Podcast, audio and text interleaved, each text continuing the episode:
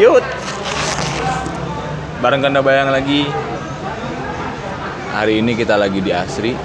Asri itu di kayak kantinnya UMM gitu loh. Ya. Kita habis datangin seminarnya teman Temen kita, kita. teman lama. Lovina Gita Soya. Gila. Akhirnya dia Akhirnya ada dia sempro. Iya sih. Kita masih Sebuah Allah. kita masih datengin orang doang. ya gitulah. Tapi ini sih ya buat motivasi juga dong ya Apaan tuh? datang ke Sempro orangnya. Iya. Biar berharap suatu saat suatu saat Suatu saat. suatu saat kita, kita bakal bakal mencapai titik kayak dia juga. Yoi. Gak tahu berapa bulan lagi. Bulan depan amin. Amin. Gituin aja terus tiap orang nanya. Kampret lah. Wah, Kesel ya? Kesel banget anjir. Aku nggak tahu gitu kayak berusaha pengen ngelakuin tuh tapi apa ya? Ah, kayak nggak tahu beratnya tuh aku nggak tahu beratnya di mana gitu loh. Entah kadang tuh aku udah ngeliatin dulu ya, Ah, set gitu di depan PC. iya iya. Oke sejam, HP udah aku matiin, udah aku silent. Ah. Tek, dapat, dapat, dapat. Buntu, udah. gitu udah stuck habis Tak habis. Oke, berarti ini ah, cukup buat hari ini. besok lagi, lagi. nah Anjir ya. bedanya kamu sama aku tuh ini bay. Kalau kalau kamu kepengen tapi kamu ada gerakan kan? Ya kan? Nah Ah. aku enggak aku kayak gini ibaratnya ya aku lagi jalan eh, aku misalnya aku berdua sama temanku nih. Kita berdua mau naik ke Semeru ke Gunung Semeru. Ah. tapi di pertengahan jalan kita ngeliat Ranu Kumbolo Oh, kamu stop-stop dulu. saking saking serunya tuh Ranu Kumbolo. Dan kita kan kita berjalan nih berdua sama temanku kita naik gunung. Tapi belum sampai Ranu Kumbolo temanku ini udah capek. Iya, paham, paham. temanku ini udah capek. Aduh karena karena karena fisik karena apa dan sebagainya dia udah capek dia stop. Nah karena aku masih semangat aku jalan nih. Jalan jalan jalan. Sampai aku tinggalin dia aku udah sampai Ranu Kumbolo. Saking bagusnya Ranu Kumbolo saking nyamannya aku ngeliat Ranu Kumbolo udah aku stop di situ gitu loh Ah. aku nggak aku kayak diem aja udah di, di zona nyamannya Ranu Kumbolo itu padahal di atasnya Ranu Kumbolo ada yang lebih bagus lagi gitu loh. Nah, teman, ketika aku udah sampai di Ranu Kumbolo, belum ya mungkin aku baru istirahat berapa menit dan ternyata aku itu udah ketinggalan Sama teman 10 langkah dari temanku tadi. Temanku yang gak stop di Ranu Kumbolo, dia cuma sekedar ngeliat Ranu Kumbolo.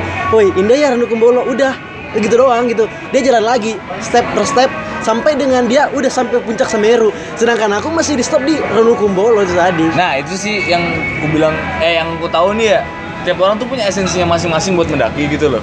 Dan ah, beberapa ada yang mencapai goalnya saat dia berada di puncak gitu kan. Tapi sisi lain ada yang kayak oh aku pengen ke gunung, pengen lihat alamnya, nikmatin setiap detailnya, terus kayak kayak ngerasain gimana proses mendakinya. Nah, goal-goal yang tiap orang berbeda tuh loh, yang harusnya bisa jadi apa ya patokan orang buat nilai pendaki itu nggak harus sampai puncak gitu untuk bisa dibilang pendaki meskipun ya emang Hmm. salah satu syaratnya emang dia harus uh, naik ke puncak biar bisa dibilang udah naklukin gunung itu kan Iya. cuman menurutku kayak ya kalau kamu mendaki sampai Kumbolo ya nggak masalah gitu tapi kalau analoginya kuliah nyelesain kuliah doang nggak S1 itu nggak nggak nggak ya? nggak mungkin cuy misalnya Iya. kamu pengen kuliah itu karena pengen dapat S1 tuh tadi gitu loh jadi kamu mau masuk kuliah kamu pengen dapat sebuah ijazah gitu loh Ah. surat keterangan lulus gitu loh ada gelar di namamu itu yang pengen kita, pengen kita cari di kuliah kan Ah. kita bukan pengen cari prosesnya Eh, karena tapi- karena nah, masalahnya adalah kita itu dari kecil udah diajarin untuk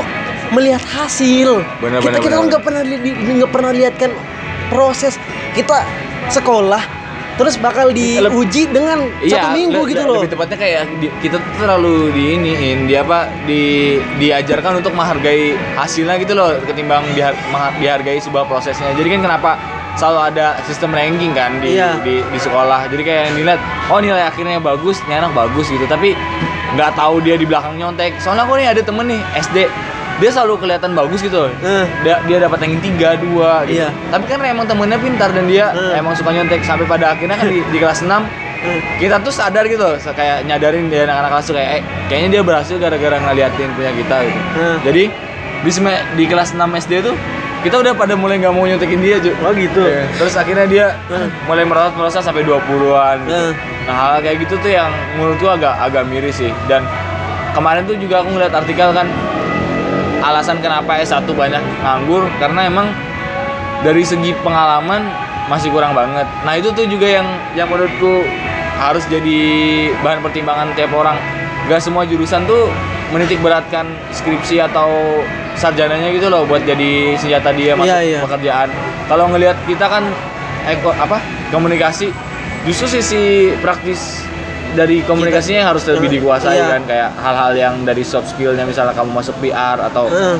hard skill juga penting juga misalnya kamu yang ada di AV kayak gitu-gitu tuh yang sebenarnya menunjang kita masuk kerja sih daripada kita melulu kayak ah harus satu S1 S1 S1 dulu gitu. Nah, mungkin kalau tujuannya emang buat gelar terus tujuannya cepat lulus biar nikah, mungkin beda hal lagi sih. Hmm. Tapi kalau yang kulihat dari esensi sebuah sarjana kan salah satunya kayak proses lama dia berkuliah gitu. Karena aku juga apa ya? ngeliat tuh ada beberapa orang yang oke dia dia kuliah rajin ini itu ini itu ya tapi cuman sebatas itu doang kayak ngejalanin anak-anak kuliah pada umumnya Iya iya. jadi kayak nggak ada nilai plusnya gitu nggak ada hal lain yang bisa dia jadikan eh, apa ya bekal atau senjatanya dia lah kalaupun mau masuk ke dunia kerja Heeh. ya aku juga masih ngerasa minim pengalaman meskipun aku berapa kali sudah sana sini Iya iya. Iya sih. Kan tapi yang menjadi masalah itu adalah bagaimana sebuah lembaga, perusahaan, instansi Nah, menerima pekerja baru bukan berdasarkan maksudnya dia dia dia apa tuh dia menerima pekerja baru yang dia lihat pertama kali apa sih pasti nilai-nilai kita kan Ni- Bisa. nilai nilai maksudnya nilai jasa kita terus CV-nya kita pengalamannya kita tapi kan salah satunya itu tadi pen- faktor penunjang tadi itu kan ijazah itu tadi kan Iya, iya. nilai ijazah itu tadi IPK, kan IPK. IPK, IPK tadi gitu loh berarti secara nggak langsung teori itu sangat penting gitu loh hmm. Bukan sekedar praktek prakteknya aja gitu nah Nah, tapi nah maksudku ini yang ini ini yang ini yang kasihan buat mereka mereka yang sebenarnya jago di praktek tapi di di, prak- di teori dia tuh jatuh gitu loh Iya iya. iya. Tapi eh, ini nih, kadang orang tuh bukan berarti dia buta teori sepenuhnya ya. Cuman Iya. ini balik lagi ke perusahaan apa yang pengen dia ajuin kan. Iya, itu, itu iya. cenderung itu eh, apa bisa jadi Eh, patokan. Iya patokan juga. Sama ini, aku aku bikin analogi gini. Misalnya kamu nih ya. Ah, kamu punya kunci mobil nih. Heeh. Ada satu orang yang ngerti banget tentang mobil. Dia tahu se- semua ukuran ban, dia tahu semua jenis mobil. Tapi seumur hidupnya dia belum pernah naik mobil sama sekali. Terus ada orang yang oh dia tahu mobil cuman sebatas ini mobil kopling atau enggak, Iya, tapi iya. dia udah naik mobil naik mobil bertahun-tahun kayak keliling Iya, iya. keliling Pulau Jawa dan dia aman-aman aja Hmm. gitu. Kamu lebih yakin sama yang mana buat nyetir mobilnya? yang praktis itu adalah Iya, yang kan? yang yang apa tuh yang nggak tahu ban ini ban itu tapi dia bisa bawa mobil gitu Iya, karena tujuan dari teori kan sebenarnya salah untuk di diimplementasikan Sikan. kan. Nah, dia dia meski dia dia paham sedikit, tapi yang udah dilakuin banyak gitu. Hmm. Nah, itu lebih bernilai ketimbang dia tahu banyak tapi nggak ngelakuin apa-apa. Iya, Itu iya. kalau menurutku sih. Jadi ya itu sih dan ini nih yang yang sebenarnya tuh jadi keresahanku banget sih. Hmm. Kenapa semua orang harus jadi peneliti gitu? Iya, kenapa kenapa eh, standar kelulusan harus lewat skripsi? gitu? skripsi dan menurutku juga nggak semua orang bakal jadi peneliti gitu nah karena mungkin ya apa ya mungkin bisa di- dibuat standar lain gitu buat tugas akhir entah kalau di Karya iya, langsung karya gitu. langsung gitu misalnya kamu disuruh bikin buku aku jujur ya aku kalaupun disuruh bikin buku aku mending disuruh bikin, Bikin buku, iya, iya. disuruh bikin buku cuy kalau misalnya kamu disuruh bikin film bikin film Iya. atau kamu bikin bikin podcast ya Iya. buat lulusan ya lumayan Ah. 10 episode terus kayak yang dengerin uh, seribu gitu Iya. kamu bisa ini nah gitu lebih lebih enak sih iya dengan iya, Iya, bu. Bu. Ya, dia dengan tantangan tantangan itu tadi kan Iya, maksudnya? tadi, gede yang banget. yang disesuaikan.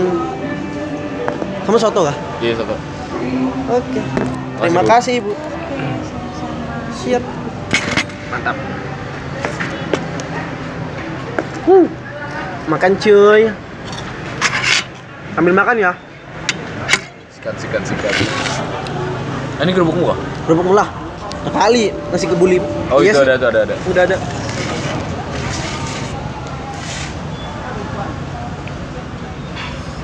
banyak maba nih cuy iya cuy. Udah mulai ini baris-baris nih.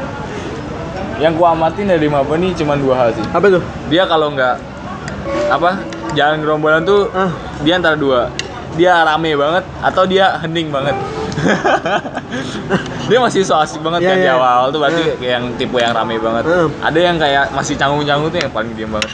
itu biasanya yang nggak punya temen tuh yang baru ketemu satu satu, satu, satu dua temen dua ya. teman. tapi yang orang-orang ekstrovert yang jago cari temen tuh Eh. rame-rame rame tuh Atau enggak dia yang yang pas SMA dia eh, terkenal banget terus dia kaget waktu di kuliah nggak ada yang kenal dia. aku banget tuh enggak enggak kali tapi untuk status kita sebagai mahasiswa ini menurutku adalah salah satu status yang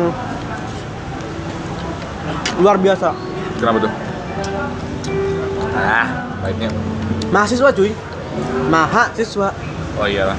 maksudnya kamu ya apa eh kayak nggak seprestis dulu gitu loh jadi mahasiswa. Enggak maksudnya gini cuy. Bukan masalah prestis. Atau enggaknya? Maksudku betapa tingginya mahasiswa itu maksudnya gini cuy Eh, ada siswa ada ada siswa ada mahasiswa. Maha ini kan kayak atas dari atas segalanya banget di atas iya. banget Tuhan aja Maha ya, segalanya. maha segalanya maha pengampun maha ini maha ini maha ini. Maksudku tuh ya bukan menyetarakan mahasiswa dengan Tuhan tapi berarti adalah mahasiswa ini stat- statusnya tinggi banget gitu loh.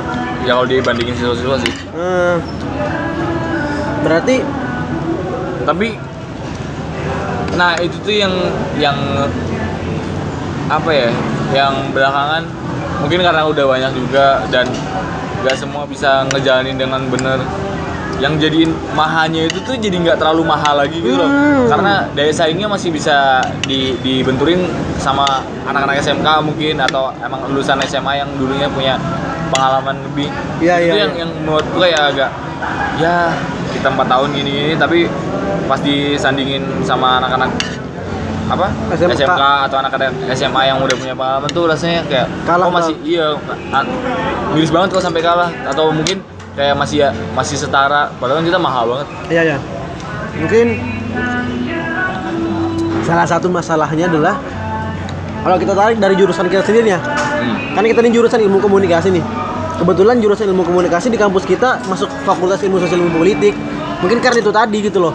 apa tuh Kita kita masuk ke jur, kita ke masuk ke Fakultas Ilmu Sosial dan Ilmu Politik otomatis mata kuliah mata kuliah kita bakal ada ber- berkaitan dengan politik gitu loh. Ah. Ada berkaitan dengan sosial. Kayak sosiologi kan kita pelajarin tuh. Iya, kita pelajarin kita pelajarin politik kayak gitu. Jadi ilmu-ilmu yang kita dapat itu terlalu banyak dan berakhir dengan kedangkalan gitu loh. mampus iya bener Kita kita kita tidak mendalam dengan sebuah satu satu, satu ilmu. Mungkin kalau kayak di Unpad, Unpad kan ilmu komunikasinya dia udah di fakultas ya. sendiri cuy. Jadi dalam ya pasti lebih dalam Kayak gitu loh. banget Nah, jadi ya itu mungkin itu yang bisa jadi salah satu masalahnya. Mungkin ya nggak tahu lah kalau dari jurusan lain gitu. Kenapa mahasiswa bisa tersandingi dengan kejuruan keju- kejuruan hmm. sekolah kejuruan? kita mau terjun ke politik langsung ada yang lebih spesifik anak-anak ilmu pemerintahan misalnya Iya. kita mau ke jurusan broadcasting ada yang lebih spesifik kayak anak-anak unpad tadi yang emang fokusnya atau enggak anak-anak isi yang jurusan Hmm. perfilman gitu Iya. Apalagi Jadi ada universitas ya. yang kayak gitu kan. Hmm. Jadi bener-bener ngambang jurusan kita cuy. Nah, yang memperkuat kita bisa diterima di sebuah instansi, lembaga dan sebagainya adalah universitas itu tadi. nama maksudnya Iya, nama universitas, namamu, nama universitasmu itu bagus. Ya, kamu bisa di, bisa diper, di, namanya, dipertimbangkan dibanding dengan universitas-universitas lainnya gitu. peran alumni juga tuh ya Iya, gitu.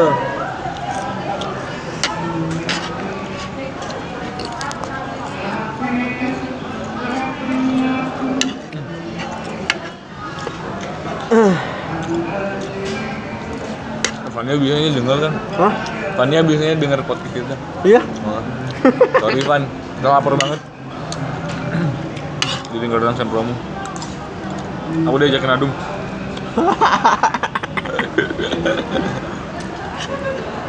Ada temanku lagi tuh yang doyan dengerin podcast kita. Apa? Ada temanku, temanku SMA. Cewek. Dia sampai bilang gini, tambah durasi dong. Yoi Oh, kan mantap tuh. gila. Sebuah apresiasi utuh. Eh, saking kayaknya aku nggak merasa podcast kita bagus tapi kayaknya Ada berfaedah ini. sekali sama dia Iya, sama dia. Bagus, bagus.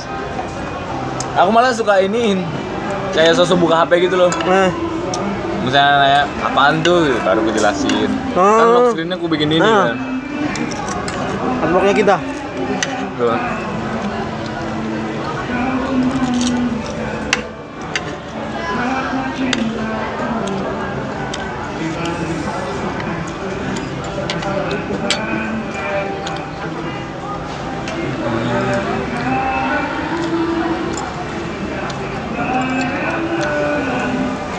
Yang kemarin-kemarin ke kampus parkiran cuma satu yang buka, sekarang udah dua cuy. Rame. Iya. Tapi yang kenapa yang di yang bagian dua tuh nggak dibuka-buka ya? Parkir lima itu di situ. Oh lima kah? Ya tahu ya. Kayaknya yang ke daerah eh, Banyak banyak GKB 12 nggak gitu nggak gitu banget.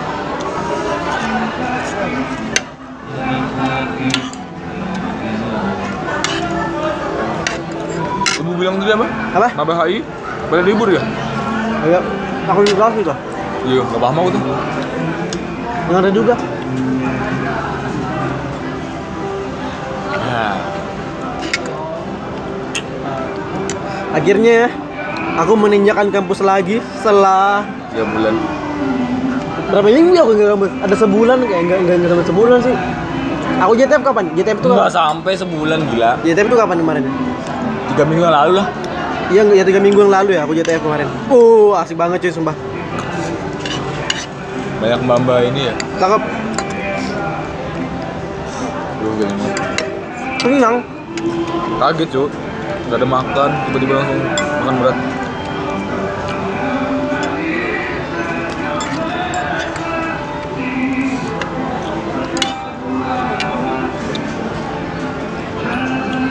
Jalannya masih kago, canggung lihat kanan kiri, baik semaba. Maba.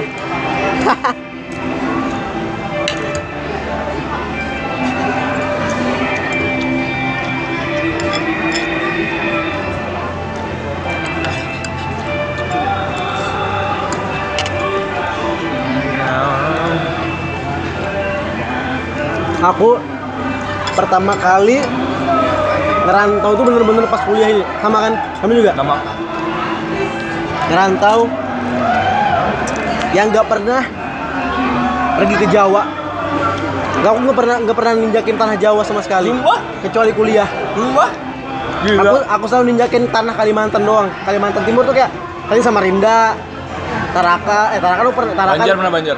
Gak pernah Kalimantan Timur tuh aku se seumur hidupku cuman baru Keluar kuliah, kota. Ke Jakarta belum pernah juga berarti ya? nggak Tanah Jawa sepenuhnya belum pernah ya? Cuman tak keluar keluar kota tuh keluar kota tetap di Kalimantan Timur Oh, Samarinda eh, Bulungan dan sebagainya sebagainya lah yang di tanah-tanah Kalimantan Timur doang. iya. Aduh, sorry. Satu ketakutanku terbesarku adalah kalau aku pergi keluar kota, aku pergi ke Jawa, saing kurang. pengaruhku cuy. Pengaruh tentang pergaulannya di sini. Itu salah satu benar-benar Oh kayak, iya benar benar benar. bah, bener bisa gak ya? Aku bisa karena aku adalah orangnya yang kayak ketika Kita dulu masih tertutup banget, Cuk. apa? Referensi kita masih dikit. Nah, SMA kan paling lingkaran kita doang yang dijadiin ini. Kayak apa ya? Enggak cuy, jadi maksudku gini Aku itu adalah salah satu orang yang kalau ketika udah ketemu satu satu hal yang nyaman, aku bakal edit Oh, gitu loh. alah, iya, iya. Jadi aku yang kutakutkan adalah kalau misalnya nih aku mabok dan aku ngerasa itu Kamu nyaman, de- dengan hal yang salah gitu. Eh, jadi aku nyaman dengan hal yang salah itu kayak wah, Bahaya, apalagi aku ngerantau jauh dari orang tua kan. Itu kayak waduh bahaya banget nih. Nah, itu yang terjadi yang menjadi permasalahan anak-anak mahasiswa sekarang kan kayak gitu. Nggak bukan bukan sekarang aja sih, dari tahun ke tahun, dari dulu malah. sudah ada itu sudah terjadi gitu loh Iya. ketika dia pergi ngerantau walaupun nih punya temen dia basicnya orang kota gitu loh. Orang kota yang di kotanya itu aku nggak nyebut nggak nyebut. maju ya? Ya maksudnya yang kayak kota, kota kota gede yang pergaulannya juga lumayan lah maksudnya kayak gitu kan. Ada Lumayan kota, kayak tempat ada clubbing apa segala dan sebagainya. Pas dia pergi ke pas dia ngerantau tambah lah. makin gila gitu loh. Pad- Ya, berarti bukan masalah kota awalku itu ada tempat clubbing terus atau di, di kota awalku itu tuh di kota awal kita itu baik-baik aja atau enggak. Tapi pengawasan itu tadi yang jadi masalah kan. Karena ngerantau kita nggak ada yang ngawasin udah ada dapat bula, duit bulanan bebas mau dipakai buat apa. Kamu bohong sekalipun orang tuamu orang tuamu nggak tahu. Iya, iya. ya kamu bilang mah aku habis beli buku nih buat buku-buku selama satu semester. Totalnya tujuh ratus ribu begitu. Padahal tujuh ratus ribu itu kamu pakai buat mabok kan ya gitu. Iya, iya. itu jadi yang eh, sama tuh kayak ceritanya ini ceweknya temenku kalau nggak salah. Oh, temannya temanku atau temanku sendiri gitu loh. Dia Hmm. punya cewek ya dia di ya itulah di, maksudnya di Jawa Tengah gitu dia kerjanya dia bohong cu eh. tiga kali beli TV bayangin kayak kayak pak beli TV gitu udah dikasih duitnya ya. Terus kayak bulan depannya kayak beli TV lagi gitu. Orang tuanya nggak sadar? Sadar kayaknya sih cuman kayak tahu-tahu aja lah anaknya kayak gitu. Oh iya? Hmm. Hmm. ya itu udah kayak modal bohong doang. Nah. Ngawasin sama ini sih didikan di awal juga sih menurutku kalau kamu udah bisa nerapin apa ya kayak ngokohin pondasi si si Hmm. anak nih ya misalnya ya oh dia dia dia harus uh, ntar ng- ngelawan terpaan ini dia harus kuat gini gini. Caranya lewat pendidikannya kayak gini gini Hmm. gini. Terus kayak kedekatan antar orang tua juga mungkin itu yang jadi tamengnya dia kalau pas ngadepin orang-orang kayak gitu. Sama ini lagi satu. Kayaknya orang-orang yang apa ya istilahnya kayak kita ngomong orang yang minum meskipun nggak semuanya anggap minuman nakal ya. Iya. Tapi misalnya eh, di Indonesia pasti masih agak tabu lah kayak gitu gitu iya. Nah. Apalagi di daerah-daerah di luar Jakarta. Nah orang-orang yang mabuk gitu ya dulu ya menurutku dia kayak kurang punya personanya dia tuh kurang kuat gitu loh. Jadi kayak dia butuh butuh dianggap di di di circle-nya dia Oh. terus kayak dia berusaha untuk membaur dan segala macam gitu. Jadi dia nggak pede gitu. Oh kalaupun aku nggak nggak jadi kayak mereka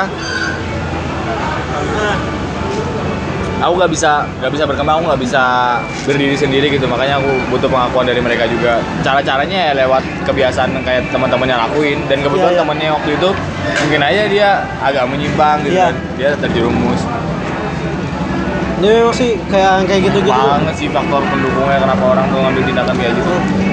Aku nggak tahu ya kalau kayak dari faktor pendidikan itu pendidikan dari orang tua bisa bisa mempengaruhi tingkat imanmu itu imanmu tadi gitu loh. Nah, tapi karena kebetulan sini orang tua tuh nggak gitu baik ini dia? ini menurutku yang menarik dari menarik dari aku. Loh, dia, orang tua aku juga nggak ngomong secara langsung sebenarnya enggak maksud gini. Orang tua ngomong secara langsung tapi sekali dua kali. Ngerti nggak jadi jadi iya jadi dia tuh bukan yang kayak bukan orang tua yang, Yang- kayak ngingatin Dia- sama jadi kayak dia kamu eh nanti pas pas ketemu ditanya atau di yang selalu dikawasin di, di, di, Iya, iya, di telepon iya. tiap minggu kamu ngapain aja gini gini gini gini gini gini aja pas balik ke berau pas balik ke, ke kamu halaman kamu gini gini gini gini gini enggak jadi mama aku tuh kayak ya udah kayak percaya gitu aja mungkin Eh. karena faktor learning by doing itu tadi kali ya apa ikatan batin orang tua ya Iya. Asik. ya dia percaya kamu nggak nakal gitu iya iya padahal nakal Maksudnya eh, nggak itu sebaik yang dia percaya. hal yang kayak apa ya? Nah ini yang bisa jadi ini yang menarik buat teman-teman maba eh, yang yang harus diperhatikan banget. Bagaimana cara mengatur itu tadi gitu cuy hmm, buat ini ya. Pergaulanmu nggak walaupun kamu berteman sama yang nggak bener tapi pergaulanmu tuh nggak nggak betul namanya yang kamu lakuin itu tetap tetap pada tempatnya gitu loh hmm. nggak nggak ikut melenceng nah itu yang bakal hal jadi hal yang susah bagaimana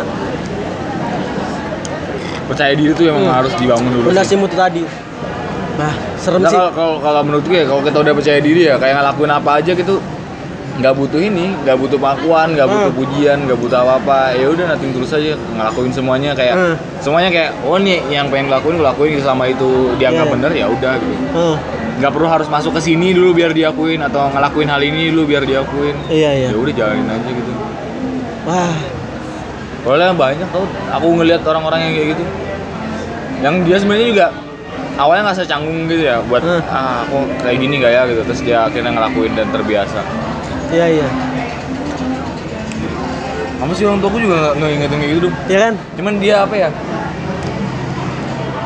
Eh, Justru karena saking dia tuh kayak ngelakuin hal ngelakuin hal baik aja gitu Heeh. ngelakuin hal baik sampai kita tuh ngerasa sungkan gitu kalau kita akhirnya menge, apa mengkhianati kebaikannya. Nah dia tuh lebih lebih ke, ke, ke hal-hal yang kayak gitu. Jadi bapakku tuh nggak pernah kayak kamu harus A B C Hmm. gitu terus.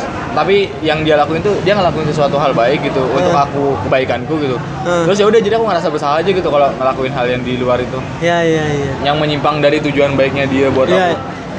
Nah, kayak kalaupun kita udah punya kesadaran kayak gitu ya, harusnya Iya. kita bisa lebih peka sama yang udah dilakukan orang tua kan. Hmm. Jadi kayak kita mau ngecewain tuh mikir berapa kali iya gitu. Nah, beda lagi sih karena ada orang tua tuh yang, yang keluarganya terbuka banget loh sampai anaknya tuh ya udah biasa anak muda nakal gitu. iya Ada tau yang kayak gitu, Hmm. yang kayak mewajarkan.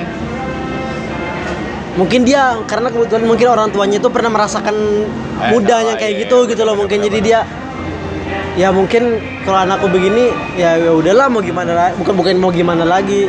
Ya aku nggak tapi ngerti emang sih. eh, dia, dia, dia, kayaknya emang ngerasa kayak oh ini zamannya dia gitu Iya, iya. biarin dia belajar dari kesalahannya dia kayak gitu. Nah, ini sih yang menarik menurutku. Bagaimana parenting ini yang ini parenting ini sih yang menarik parent- parenting ini sih yang menarik. Iya. Kalau kamu nih, Pak, suatu saat nanti kan kamu udah bakal jadi bapak itu. kamu Ah, aku udah udah kepikiran tau. Eh. Udah udah kepikiran. eh, Kayak mana kamu keluarga aku tuh ntar kayak gimana? gimana kayak- kamu ngajarin anakmu biar enggak apalagi nih kalau kamu bakal punya kamu pengen punya anak cowok apa cewek? Bebas sih. Nah, kalau misalnya kamu dapat anak cewek nih, itu bakal berat banget buat jaga anak cewek kan? Eh, dan, dan menurutku Kayak mana sih kayak, gimana menurut kayak gimana caramu jadi orang tua gitu? Aku lebih kayak sistem ininya sih. Kayak sistem berkeluarga yang menurutku yang pas tuh kayak gimana. Jadi aku tuh selalu pengen nanamin tuh kayak keluarga tuh aku jadi leadernya ya. Tapi bukan berarti aku pemegang kekuasaan sepenuhnya. Jadi Hmm. a- setiap setiap setiap anggota keluarga tuh punya apa?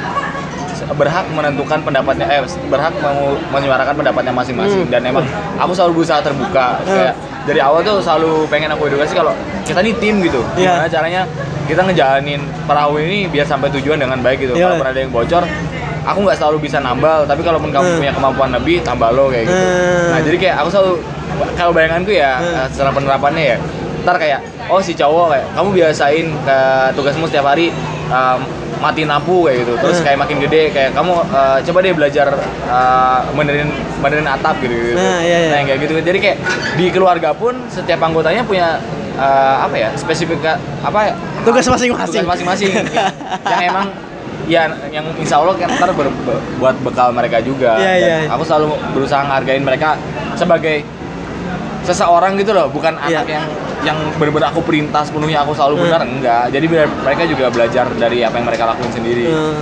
aku benar-benar kayak pengen ini keluarga nih tim gitu gimana caranya tim kita tim nih harus berhasil gitu kayak kayak pemain bola dah bukan, Iya. bukan kayak atasan bawahan terus kayak bener-bener babu gitu Hmm. kayak kan kayak ngebentuk hierarki yang bener-bener Iya. saklek gitu kan Yang Kayak- sama. kayak linear ke bawah gitu Iya.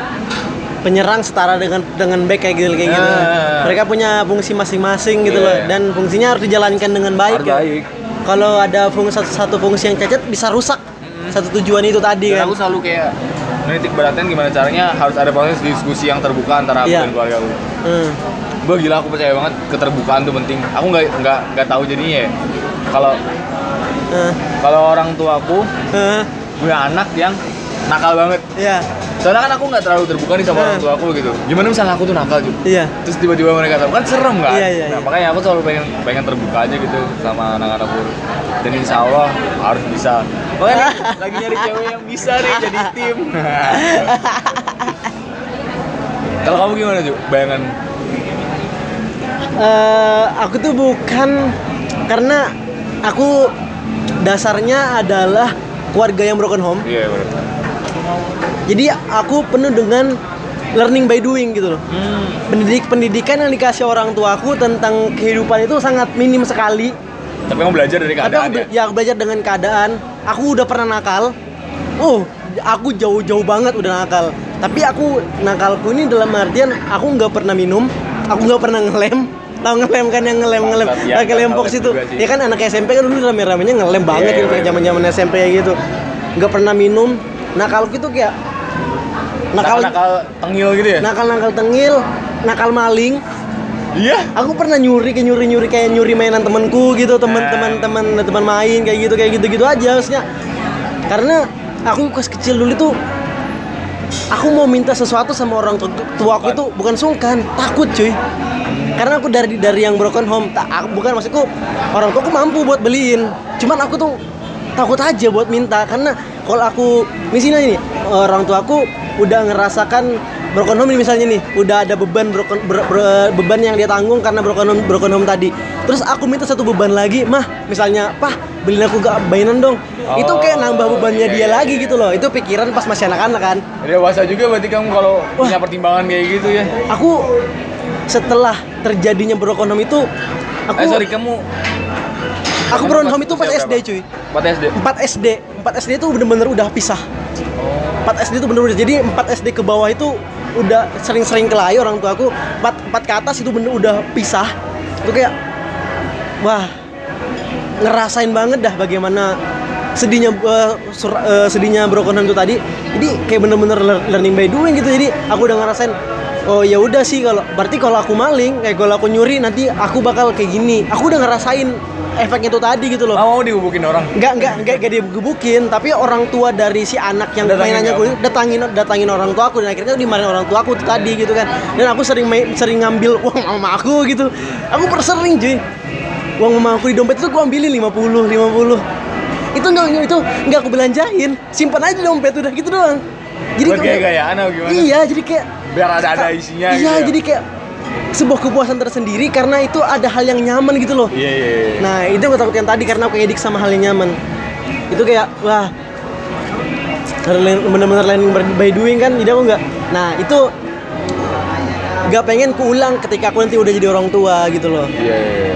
dengan cat tapi aku bukan pengen jadi orang tua yang ada kan biasanya orang tua itu yang kayak aku pe aku pengen ngerasa aku sama anakku tuh kayak temen gitu loh Oh. Ya, kan, ya? tapi, tapi aku nggak Karena kayak gitu harus ada batasan ada ya. batasan Karena emang adanya eh, beda. kita kita kita tetap kita, kita tetap aku bakal jadi aku bakal jadi jadikan kamu teman aku bakal jadikan kalau aku tuh ayahmu aku ada Sosok pelindung. Iya, gitu. Sosok teman curhat anjing. nah gitu jadi nggak melulu kita tuh teman tapi soalnya aku takutnya nanti kalau selalu ngerasa aku teman itu takutnya dia kayak Melunjak ya. melunjak cuy Bener, bener, bener, itu yang bahaya takutnya nanti kan Iya iya iya. iya.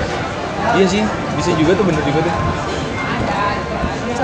sebenarnya Tetap attitude juga lah ya. iya cuy Nah aku tuh masih ini aku eh, itu juga sih karena nggak ada sebenarnya ada ya ajaran secara langsung dari orang tua aku masalah etika dan sopan santun. nah Apalagi kan aku ini kan lahir dari keluarga Jawa gitu loh yang emang uh, kental banget sama kental banget attitude sama attitude gitu, gitu kan.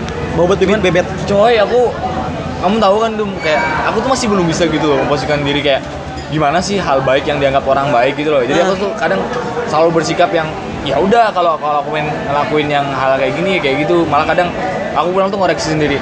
Tadi tuh bener nggak ya aku bersikap kayak gitu tuh kayak atau Ah. emang ada yang- Nah itu tuh mulai aku sadarin belakangan belakangan ini sih karena dulu Ah. kan aku bo- bodoh amat kan tapi Iya, iya. belakangan aku ngerasa kayak butuh evaluasi dan kalaupun aku pengen pengen lebih baik lagi ya otomatis harus mau ngoreksi Diri sendiri. gitu loh iya Ah. meskipun nggak bisa merubah sifat sepenuhnya tapi ada perilaku yang bisa aku atur ntar Iya. ke depannya gue sih kayak gitu tuh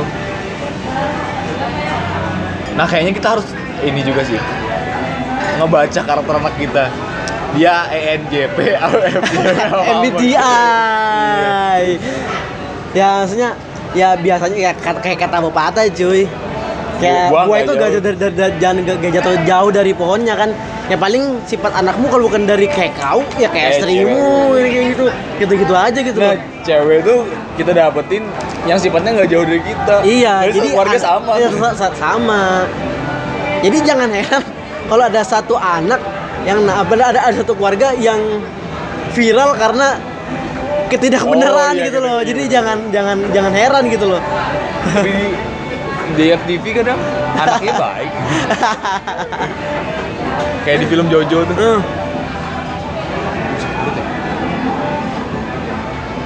Parenting bener-bener penting sih. iya cuy Aku bagaimana gara-gara yang nonton gue bilang itu loh yang 13 Reason Why itu. Ti- 13 Reason Why.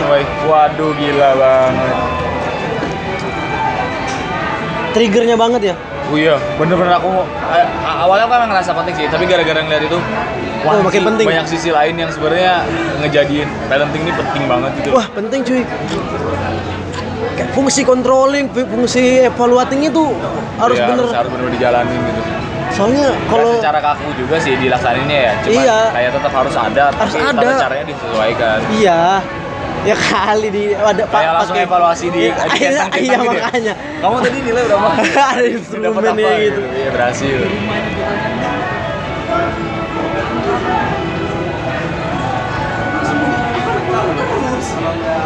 Tapi yang berat tuh kadang saat kita tahu nih kita udah gede ya misalnya Eh. kita tahu kenyataan ini mungkin pasti semua orang tuh ngerasain ya iya ya kita tahu kenyataan dunia ini kayak gimana gitu Eh.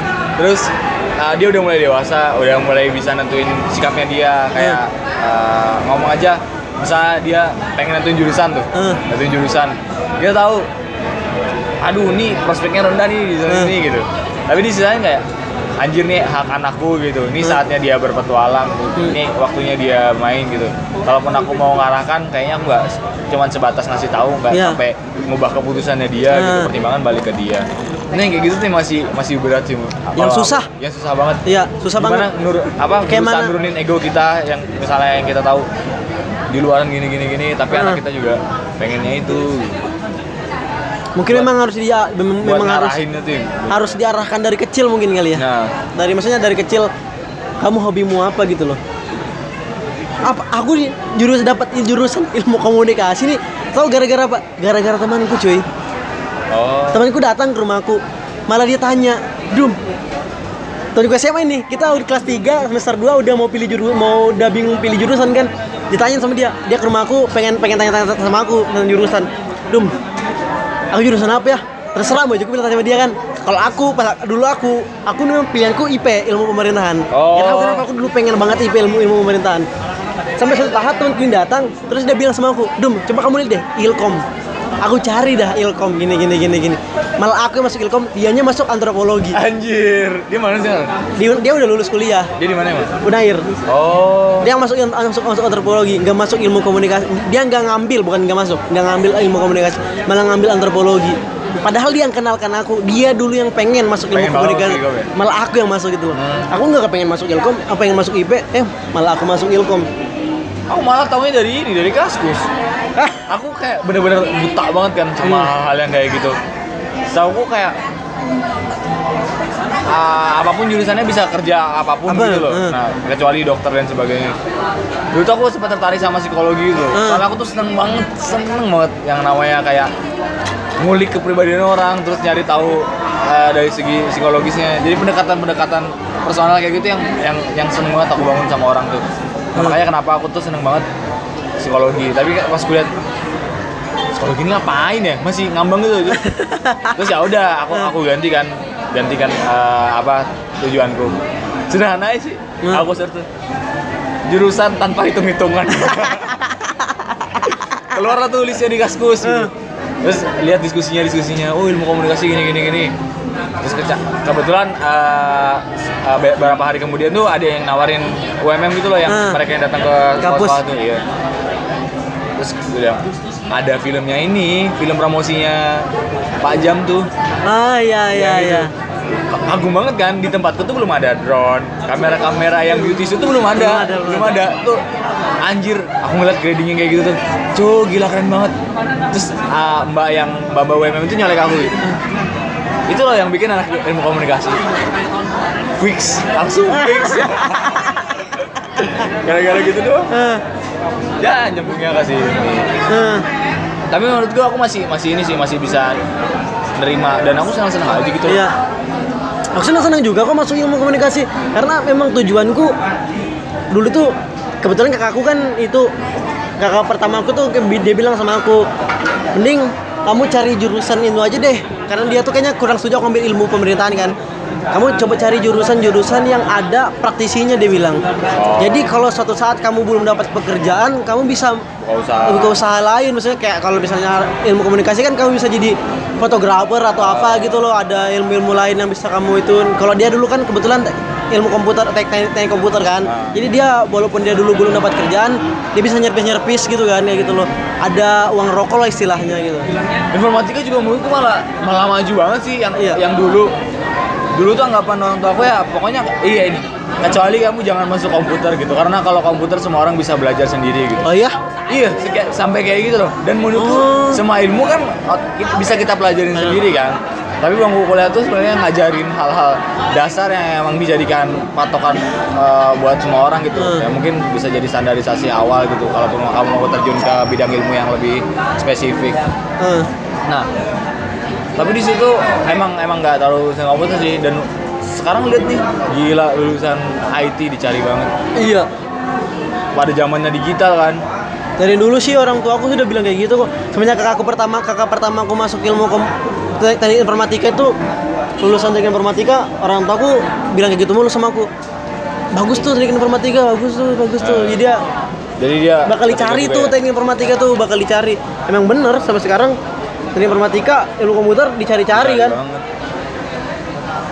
di satu sisi pemrograman satu sisi kayak hal-hal hard- hal-hal hardware-nya kayak gitu kan Benar.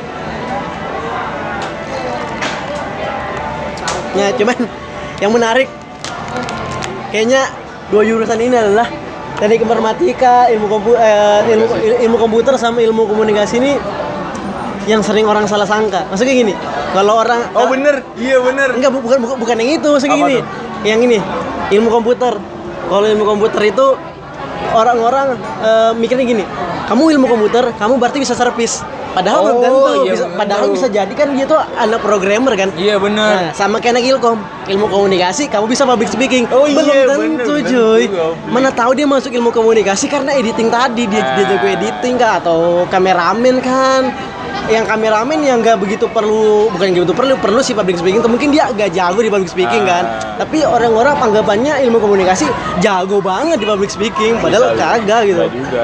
Justru malah yang aku tahu kalau di VR tuh porsi kita untuk berbicara cuma 30%. Ya, Jadi 70%-nya kan rancangan rancangan Iya. ini ya kan kayak uh, konten dan sebagainya dan sebagainya gitu loh. Itu yang sebenarnya jadi nilai lebih kita. Nah, yang kesalahan orang awam mana ilmu komunikasi kan karena komunikasi sel- selalu uh, Berhubungan dengan ngomong. Iya, berhubungan ya dengan ngomong gitu, dengan bahasa gitu. Padahal kan komunikasi luas banget. Iya. Keluarga aku tuh nggak tahu cuy. Om-omku, acil tanteku, tanteku tuh nggak tahu ilmu komunikasi itu jurusan kayak apa. Jadi ditanya, kamu kau jurusan apa? Dikira komputer aku malah. Iya. Iya. Oh, kau jurusan apa leh? Karena sana manggil Saleh. Iya. Eh, ilmu komunikasi. Oh, yang di tower-tower bandara Ah, kan? anjir. Tahu kan yang di tower bandara kan? Iya, iya, iya. Dia pikir ilmu komunikasi itu yang Yang hubungan sama Telkom, jaringan. Iya, terus dia nanya kayak yang berhubungan dengan kalau misalnya kayak ada ban- ban- pesawat landing kayak gitu, Oh, ya. iya. yang tinggal kerja di menara-menara gitu. Kagak gitu tuh dia. Lain cuy gitu dia. Jauh banget dan kita malah nggak tahu sama sekali ya. Itu ATC, Air Traffic Control bilang. Beda banget. Pas aku bilangin, enggak ilmu komunikasi itu berhubungan sama kayak televisi kali. Oh iya iya baru paham. Gitu. Simpelnya gitu sih. Relation. Aku paling kalau ditanyain ilmu komunikasi itu gimana, aku pasti selalu bilang kayak TV gitu doang. Hmm. yang ngebuat TV kayak kami dah tuh bilang yang maksudnya yang yang ngebuat program TV ya sudah Ilkom dah tuh gitu gitu dah. simple kan malas sih jawab Ya, jawab iya panjang sih kalau Iya. dijelasin panjang banget. Dan aku tuh sempet down di semester 2 tuh. Waktu ada temen gue kan yang dia kuliah di Surabaya tuh. Anak tem- teman SMA biasa lah kayak nongkrong lagi gitu kan, kayak misalnya tahu cita-cita gitu. Oh, komunikasi gitu.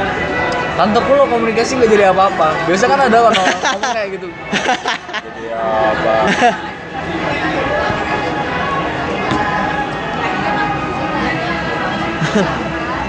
Nah gara-gara kayak gitu juga tuh kalau hubungannya sama bullying lah kayak mungkin hal-hal yang kita ucapin nggak sengaja gitu ya Iya. Bu bisa kepikirannya Sama orang tuh, cuy.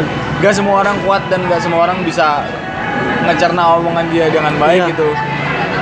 Ada beberapa yang kayak nelan mentah-mentah terus kayak dianggap itu kayak bener-bener ngejat dia sampai kayak dia berasa udah wah aku nggak punya potensi lain nih kayak kalau Hmm. sekali diomongin kayak gitu kan bahaya banget.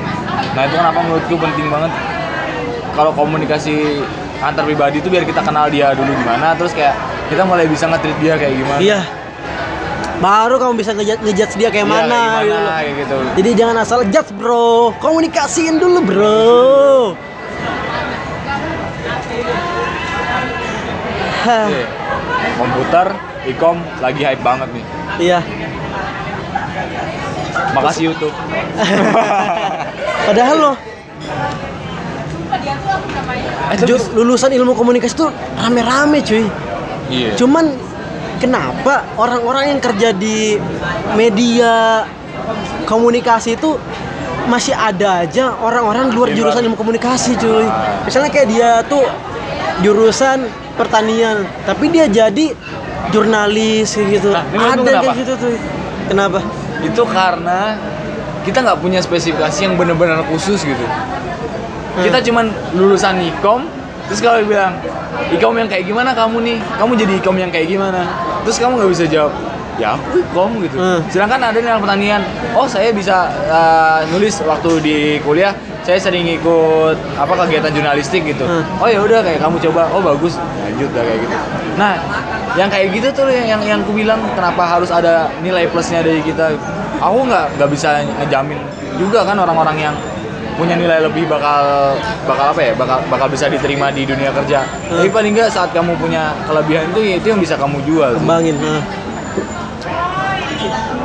Serem juga. Beda kayak kedokteran soalnya. Iya, Kalau so- kedokteran tuh kamu masuk tuh udah pasti spesifik itu kamu bakal jadi dokter nggak ada yang bisa jadi dokter kalau kamu nggak masuk kedokteran gitu. Iya gitu loh. Padahal secara ilmu komunikasi ini punya kode etik cuy. Maksudnya eh, salah satu satu itu kode etik, kedua profe ini ilmu komunikasi ini bukan ilmu komunikasi sih. Jurnalistik. Ya jurnalistik tadi ya maksudnya jurnalistik itu kan bagian dari ilmu komunikasi. Ah. Paling kagak, paling enggak ada itu sebuah profesi gitu loh. Iya, iya. Berarti spesialis gitu loh. Oh bener.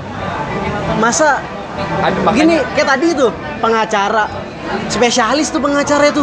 Ja, masa ada orang jurusan pertanian jadi pengacara? Dia harus hafal hukum dulu kan. Iya, nah benar, itu benar. tadi jurnalistik itu spesialis profesi gitu loh. Kenapa masih ada jurusan-jurusan lain yang bisa jadi jurnalis gitu loh? Itu patut jadi pertanyakan gitu loh. Kenapa ada media-media yang mau lakuin itu? Apakah tadi karena dia jurusan pertanian dan dia dibayar murah? bol apa besok ka- karena dia dibayar mu, bisa dibayar murah jadi otomatis lembaga atau media itu bakal lebih lebih pilih biaya ba- bayar murah bilang kayak Oh, gitu bisa, bisa. secara paling eh, apa namanya eh, berita-berita yang diluncurkan yang dirilis kurang lebih kurang lebih sama aja gitu loh iya, yang iya. ujung-ujungnya bakal berita itu diedit lagi sama pimretnya atau yang mungkin editornya tadi Bener-bener concern di situ ya. Eh, gitu Iya loh. bener. Ini Itu- juga alasannya kayak, oh kamu emang bukan kompetensimu di situ, tapi karena kamu bisa ya udah gitu. Hmm. Kami, kami ngebayar berdasarkan kemampuanmu yang segini gitu. Hmm. Dan kebetulan dia mau ya udah. Iya, Nah, jadi sih beberapa alasannya kayak gitu. Dan yang orang jurusan ilmu komunikasi tadi ini walaupun pengemam- pengemampuannya nggak gitu tinggi tapi karena jurusan ilmu komunikasi itu tadi gitu loh. Karena oh, dari media ini kayak waduh, jadi jurusan ilmu ko- komunikasi nih pasti dia minta gaji tinggi gitu takutnya Iya, kayak iya, gitu. iya, iya. Apakah ada satu ketakutan itu loh maksudnya? Kenapa ada beberapa pertimbangan media kenapa ngambil jurusan lain gitu loh. Itu yang beda cerita sama produser sama sutradara gitu maksudnya. Produser-produser kan ya pasti dia ngambil jurusan ilmu komunikasi Iya, buat jadi rata-rata produser gitu gitu kan. Karena produser bener-bener yang kayak wah.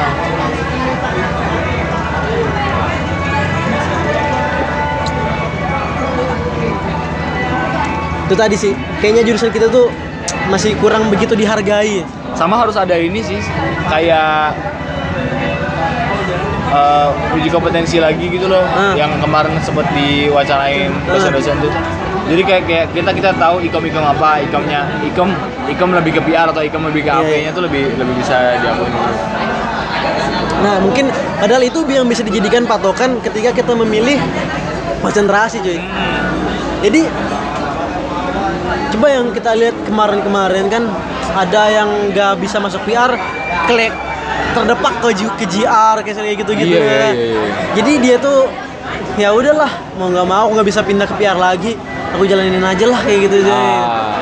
Jadi kuliah bukan sekedar, jadi hanya sek- sekedar formalitas jadinya buat dia gitu loh. Gak menarik buat dia gitu loh. Dan akhirnya gak menarik berakhir dengan lambatnya lulus ya gitu, kayak gitu. Iya, Walaupun ada yang menurut dia udah termasuk udah masuk konsentrasi yang menurutnya menarik tapi dia tetap tetap lambat lulus juga masih terlepas dari itu maksudnya itu. Mungkin gini ya, ada yang telat lulus gara-gara salah jurusan dia males kuliah. Iya. Ada yang terlalu asik sama jurusannya jadi dia, males. dia, dia mungkin dia terlalu asik dengan jurusannya dia dia mendalami terus dia sudah selalu dapat project project dengan ter- dengan jurusannya dia itu kan jadi dia makin masih betah jadi Iya. sehingga bisa bisa. mata kuliah mata kuliah atau skripsinya tuh nggak jalan gitu loh karena aku ada teman dia jurusan musik musik musik kayak gitu. Di mana? di salah satu universitas di Jogja. Oh. ya jurusan jurusan musik musik gitu belum lulus. Padahal dia tuh atasan atasannya kita gitu loh. Belum lulus sampai sekarang. Karena apa? Dia kasih kan bermusik kayak gitu loh kayak gitu. Gimana bro? Dia bilang.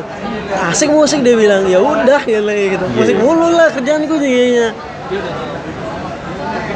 job-jobnya banyak buat musik musik gitu jadi ya mau gimana Oh, dia berarti ini dong. Satu kampus sama Gia kali ya? ya tahu lah Anjay. Ah.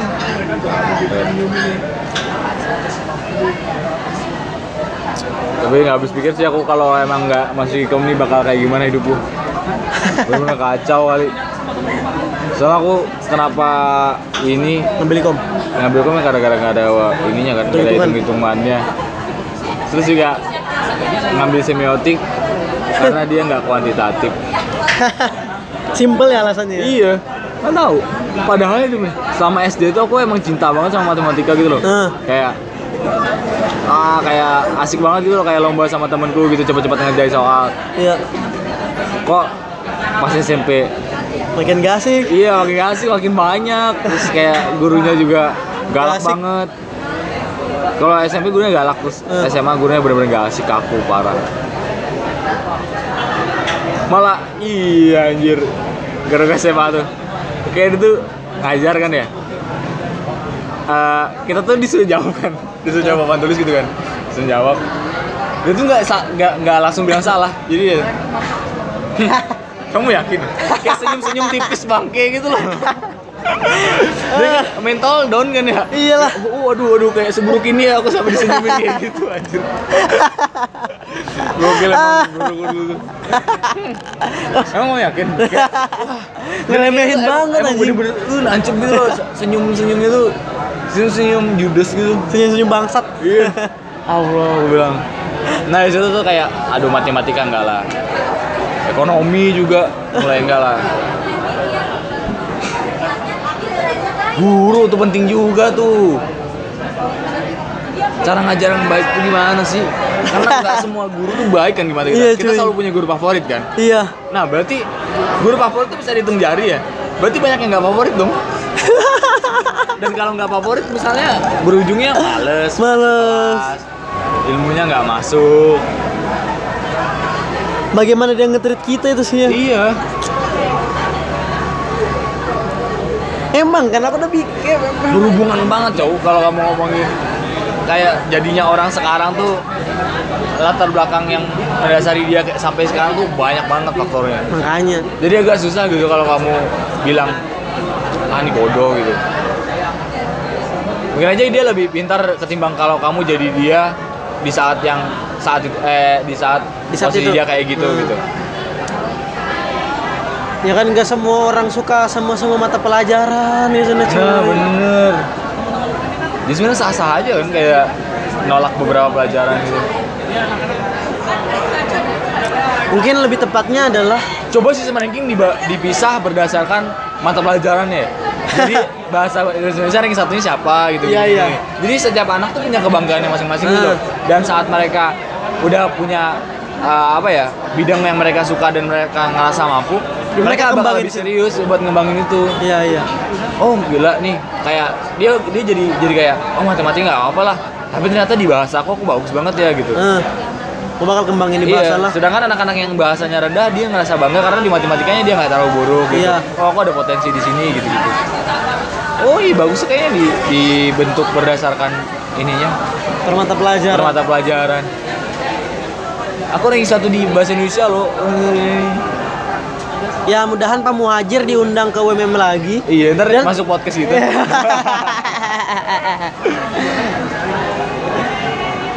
Kemarin dia ke WMM juga kan. Ada seminar gitu. nah, Hari apa gitu dia seminar. oh. Ah bukannya anak-anak maba itu ya? Pas maba gue beli. Bukan bukan bukan ada Bukan lagi. Ada lagi seminar.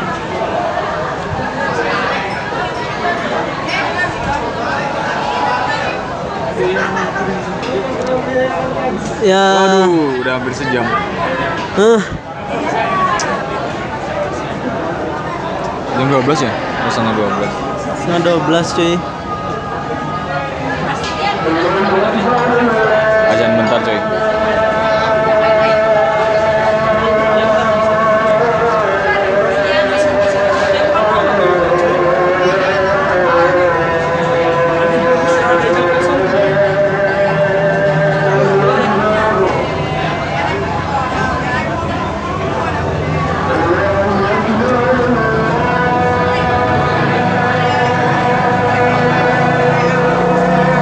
Udah azan juga nih. Matiin aja kan? Udahan aja dulu dah. Iya, Udah menit 56 juga. Yo. Iya. Makasih ya udah dengerin kita di episode kali ini. Buat yang pengen tanya-tanya atau pengen ngasih saran atau pengen ngang eh, ya saran buat kita bakal bahas apa lagi, bisa langsung email kita di gandabayang@gmail.com. G-nya dua. Ya, G-nya double. Ganda bayang G at gmail.com. Yo, sampai ketemu lagi di podcast selanjutnya. Assalamualaikum. Yo, selamat siang. Dadah.